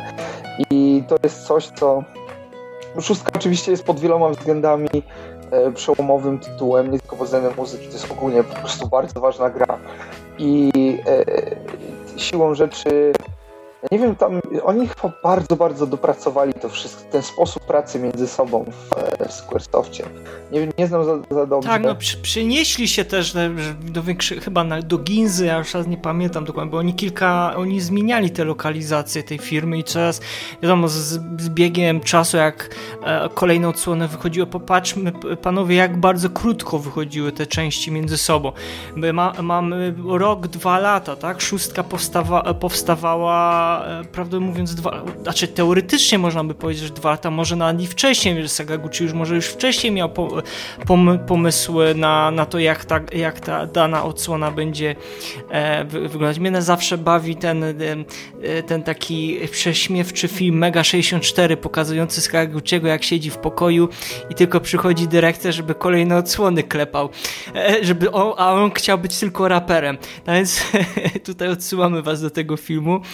A tej, ja nie wiem, no ja na pewno się też zgodzę z tym, co ty zacząłeś, że te, te ostatnie trzy odsłony z tej powiedzmy um, z szóstki, tak, z tej całej kompletnej szóstki, te trzy ostatnie odsłony, czwarta, piąta, szósta część, miały bardzo ogromny wydźwięk i bardzo miały, były poważne. No to trzeba sobie szczerze też po, po, powiedzieć, mimo tej japońskości takiej, jaką dostawaliśmy zazwyczaj w tamtym Właśnie, właśnie to, jest, to, jest to że, że szóstka, ona jest yy, wręcz szokująco smutna miejscami. To jest coś, co co no tak, jesteśmy świadkami apokalipsy. Tak, apokalipsy, też te, y, jakby te, te, perturbacje, przez które przechodzą bohaterowie, bohaterki, one też, to, to jest tak odległe, tutaj mówiliśmy o Dragon Questie i to jest bardzo odległe od Dragon Quest, ale to jest nawet bardzo odległe od e, piątki, która miała taki trochę chyba awanturniczy, e, przygodowy jeszcze, e, jeszcze charakter. No i tutaj to też na pewno daje większe pole do popisu e, kompozytorowi, prawda? Kiedy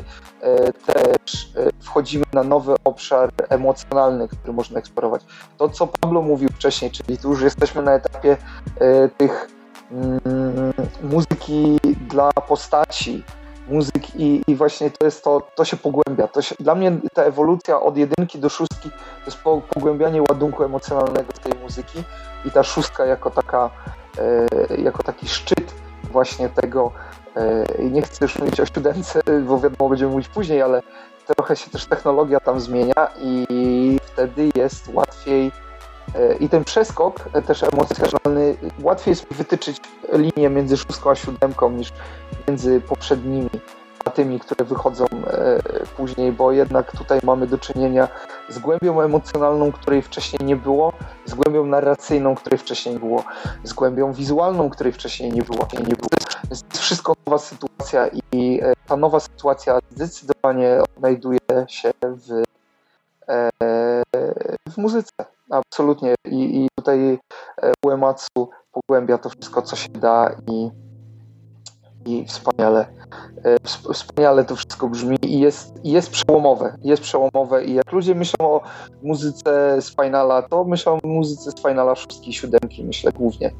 E. Mhm. Mateusz, e, chciałbyś tutaj swoje trzy grosze do tego, co już tutaj zostało powiedziane, jeżeli chodzi o mnie i naftę?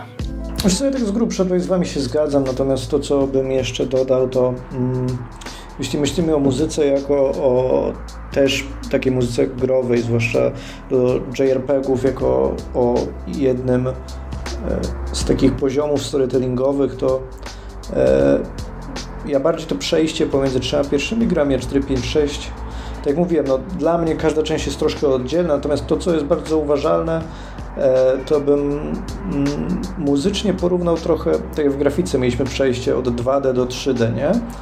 E, kiedy w Final Fantasy pojawia się ta bardziej szczegółowa, bardziej rozbudowana historia, gdzie już próbujemy przekazywać uczucia, e, to też Nobuo Uematsu dostaje tak jakby kolejny wymiar, z którym może pracować, nie? E, I przez to ta muzyka wydaje się spójniejsza, bardziej bogata, bo nie tylko ilustruje wydarzenia na ekranie, które są dosyć proste, E, nie tylko tworzy gdzieś e, klimat do tego, co dzieje się na ekranie, e, ale też dużo bardziej spójnie pracuje z opowiadaną historią, bo ta historia właściwie jest. Dużo bardziej współpracuje z emocjami, uczuciami. To jakby dostaje dużo większe pole manewru podczas pisania tej muzyki, nie? tak bym to określił. Mhm. Pablo, a ty na sam koniec jeszcze coś chciałbyś tutaj dorzucić? A, to, to samo co Mateusz, czyli z grubsza bym się zgodził, ale dorzucę jeszcze takie swoje trzy grosze. I to już jest właśnie ten moment, kiedy Final Fantasy no, zmienia ten sposób narracyjny. Tak? To nie jest tak jak w trzech pierwszych częściach, że mamy historię o bandzie dzieciaków, która ratuje świat, tylko no już dostajemy znacznie poważniejsze historie. Dla mnie pamiętam takim największym szokiem, kiedy odpaliłem Final Fantasy 4 i dostałem na dzień dobry, wiecie, najazd Red Wingsów na Missidia i to było takie, o Boże, co tam się dzieje. A, a dalej, im dalej w las, było coraz, coraz lepiej. No i właśnie to jest to, co mówię, tu już powoli odchodzimy, znaczy powoli już w zasadzie odchodzimy od e, muzyki, która ma nam towarzyszyć w zwiedzaniu świata, w tej przygodzie i tak dalej, a tu już mamy do czynienia z muzyką, która jest nastawiona pod głównych bohaterów, pod historię. Tak, Final Fantasy IV był takim, e, myślę, pierwszym takim kamieniem, najważniejszym kamieniem milowym, a takie potężne rozwinięcie i myślę takie opus magnum e, samego Umatsu, tak moim zdaniem, e, jeśli chodzi o tę te, te, te erę pikselową, no to jest właśnie Final Fantasy VI, gdzie dostajemy e, naprawdę potężny ładunek emocjonalny związany z samymi postaciami. To, to, co właśnie Paweł powiedział, że każda z tych postaci ma swój własny e, motyw główny. Tak? No i chyba to też najważniejsze, to, to, to, to co jest najważniejsze, to to, że ta gra w zasadzie nie ma jednego głównego bohatera tak naprawdę. Wiecie, oczywiście poznajemy Terrę, która na początku, na samym ściskim początku jest e, przedstawiona w taki sposób, jak, jakby to ona była takim centralnym punktem fabularnym, a to się okazuje, że nie, bo bywa taki moment, kiedy Terra po prostu znika gdzieś z połowy gry i później a, wybieramy sobie inną postać. I to jest chyba też, to, to jest takie e, celowe zagranie ze strony Square Enix, że to ty tak naprawdę graczu wybierasz sobie swoją własną ścieżkę, swoją własną fabułę. Kto według Ciebie jest tym głównym bohaterem e, szóstego, szóstego finala? No i, i dzięki temu ta muzyka ma takie potężne, potężne znaczenie, zwłaszcza jeśli poznajemy historię tych postaci. I tu e, dla mnie taki najważniejszy, najbardziej kluczowy moment, kiedy e, doszedłem do takiego ostatecznego wniosku, że muzyka w szóstym, zwłaszcza w finalu, ma ogromne znaczenie również pod kątem narracyjnym, no to właśnie ta nieszczęsna scena w operze.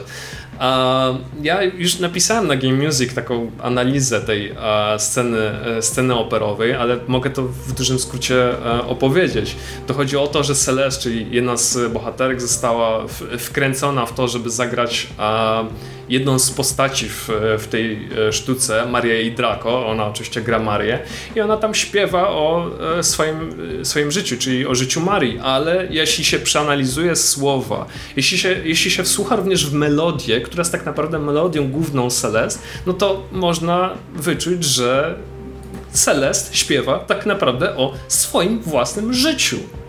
I to było coś, co mnie po prostu zmroziło. Nie tylko to, jak ta cała scena wygląda, jak ona brzmi, ale to, że ona ma e, duży związek z jedną z e, postaci. To było, to było coś, co po prostu rozwoiło mój mózg i prawie zatrzymało, zatrzymało moje serce dosłownie. I, ale tu widać, że Umatsu naprawdę E, stanął na, mocno stanął na wysokości zadania, jeśli chodzi o ten, e, jeśli chodzi o muzykę, właśnie do, do tych ostatnich e, odsłon finala, ale myślę, że szóstka to jest właśnie taki jego chyba najważniejsze dzieło. Taki jeszcze jeden malutki wtręt. Pamiętam jak ProJared zrobił materiał o Final Fantasy VI i kiedy przedstawiał każdą kolejną postać, e, mówił, że e, no, w, w trakcie, kiedy poznajemy jego historię, odgrywana jest taka i taka melodia, która jest, no, jak powszechnie wiadomo, e, najlepszy, najlepszym utworem w całej grze. No i się okazuje, no, się okazuje, że tak naprawdę każda postać ma, e, ma taką melodię i każda z nich jest określana przez niego jako najlepsza w całej grze. Tam nie ma jednej najlepszej melodii, bo tak naprawdę cały soundtrack szóstki jest najlepszy po prostu. No tak, ja, z, ja, też się pod tym podpi podpisuję, prawdę mówiąc, jakbyśmy musielibyśmy poświęcić kolejną godzinę na to, żeby robić analizę utworów. E, i to, I to co, że ten przykład dałeś, no to to jest tylko e, najlepszy dowód tego, że Łamatsu no, z głową, bardzo z głową pisał te, te, te, te utwory, a Hironobu Sakaguchi no to jednak to jest człowiek, który miał wizję, którą spełnił, no i przez to też zainspirował masę, masę e, deweloperów, którzy teraz pracują przy grach wideo. Panowie, jakże tym pięknym akcentem, pięknym akcentem będziemy musieli dzisiaj kończyć naszą Byłby pierwszą... piękniejszy, gdybyśmy wszyscy zaśpiewali ten motyw z opery razem. Uwaga, e, to, to czekajcie, ale to Nie, nie, nie, czekajcie, to to burza, na raz, dwa, trzy, ale nie, nie, nie, nie, ale zrobimy coś łatwiejszego, panowie, to zrobimy coś łatwiejszego. Na raz, dwa, trzy zrobimy fanfary. Jesteście gotowi? Uwaga, Szykuję. na raz, dwa, trzy, uwaga. Fanfary? Raz, tak, fanfary robimy. Raz, O, czekaj, no, no. To powiedzcie, kiedy będziecie gotowi, drodzy e, Ja jestem widzowie, gotowy. Dobrze. Okej, uwaga, na, na trzy. dobrze. Raz, Czekaj chwilę. no. Co się dzieje? Tak Czekajcie. bardzo nie chcesz tych fanfar śpiewać. Ja mam jakiś problem techniczny. Chyba nie, bo robimy to najprostsze, pamiętajcie, tak? Te- Mateusz jedzie w Tak, tunelu. jak naj... Nie dołączy. Właśnie, coś nie słyszę, was nie słyszę. Halo, halo wóz, halo wóz, czy to się dzieje? Czyli co, wszyscy gotowi, Mateuszu?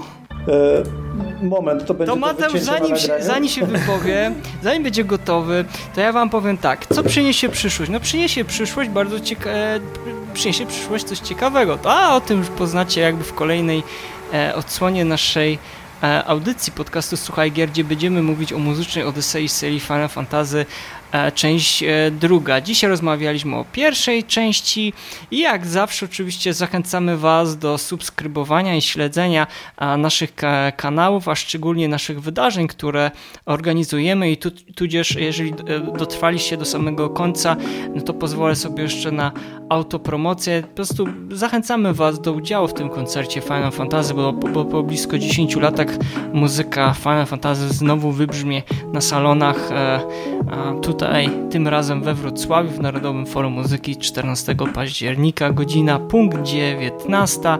A, no, szykujemy dla Was masę, masę muzycznych i nie tylko niespodzianek, no ale będziecie mogli w pięknym wykonaniu Orkiestry Narodowego Forum Muzyki usł- usłyszeć e, odsłony Final Fantasy 6, 7 i 10. Mateuszu, gotowy? Tak, jestem, miałem problem techniczny. Natomiast jeszcze jedno pytanie, Tak. zanim, skończy, zanim skończymy, żeby tradycji stało się zadość. Paweł, czy kupiłeś wreszcie Grandia HD na Switcha w pudełku? Weź! Ja mamy, mogę mu pożyczyć Ja Mateusza się cyfrze. ale, Cóż, ale Mateusz mi wypowiedział. Będę to robił, dopóki nie kupisz. Tak. A tym bardziej, że teraz ścieżka dźwiękowa się pojawiła eee, z Grandi dwójki, więc jest do kupienia. Eee, YO Records. Dobrze panowie, na raz, dwa, trzy. Dla, dla naszych widzów, słuchaczek i słuchaczy. Na raz, dwa, trzy, uwaga. Raz, dwa, trzy.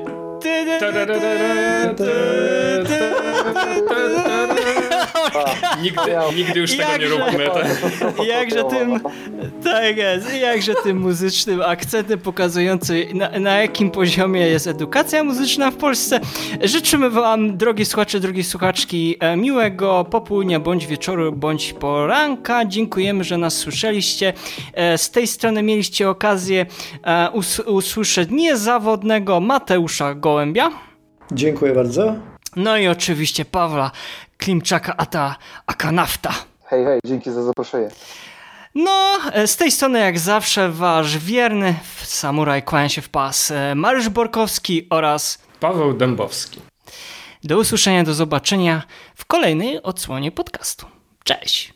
Słuchaj. Słuchaj, słuchaj, słuchaj, słuchaj, słuchaj. Słuchaj. Gier. Podcast sławiący kulturę muzyki do gier wideo.